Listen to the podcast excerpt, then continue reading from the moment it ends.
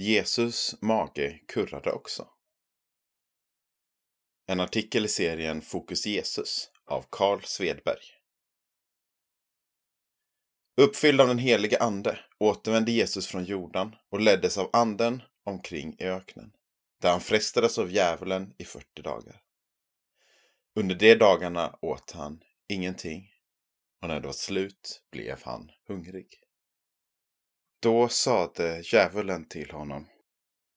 Om du är Guds son, så befall den här stenen att bli bröd. Jesus svarar honom. Det är så skrivet. Människan lever inte bara av bröd.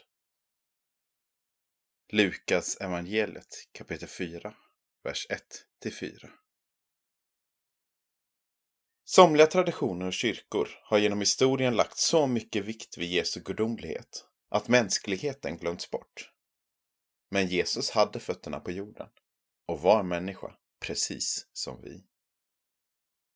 Jesus fastade i 40 dagar och i evangelietexten står det kort och gott att han efter det blev hungrig. Jag vet inte hur det är med dig, men för mig hade detta verkligen varit en underdrift. Efter flera veckor utan mat hade jag nog varit minst sagt vrålhungrig. Jag tvivlar på att klotgrillen, flintasteken och bearnaisesåsen var uppfunnen på den här tiden. Men oavsett så klarar Jesus att hålla sig borta från tankarna på detta när han frestas. Samtidigt visar det väldigt tydligt att Jesus är 100% människa när han faktiskt känner hur det kurrar i magen. Mänsklig. Det är så gött att denna lilla detalj är med. Att Jesus faktiskt blev hungrig. Han hade kunnat framställas som en superhjälte. Som aldrig gråter och alltid står redo att rädda världen.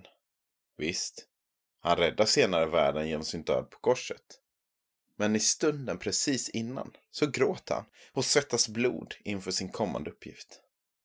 Visst är det häftigt hur Guds son och världens frälsare visar känslor. Eller med andra ord, visar hur han faktiskt är människa som alla oss andra. Ensamhet, ångest, rädsla. Precis som Jesus mötte svårigheter så gör du och jag det i vår vardag. Frestelsen i öknen översatt till våra liv kanske är den karantän och saknad av familj och vänner många av oss upplevt det senaste året. Det tårar av blod som Jesus fällde i ett semane kanske motsvarar ångesten inför att ta emot ett besked om livslång sjukdom. Poängen är att han har varit där och upplevt känslorna komma. Ensamhet, ångest, rädsla. Frestaren. Men tillbaka till det där med att vara hungrig. Jesus blev precis som du och jag hungrig. Och djävulen försökte använda hans mänsklighet för att fresta honom. Men hur hanterade Jesus det? Han ger djävulen svar på tal när han säger Det är så skrivet. Människan lever inte bara av bröd.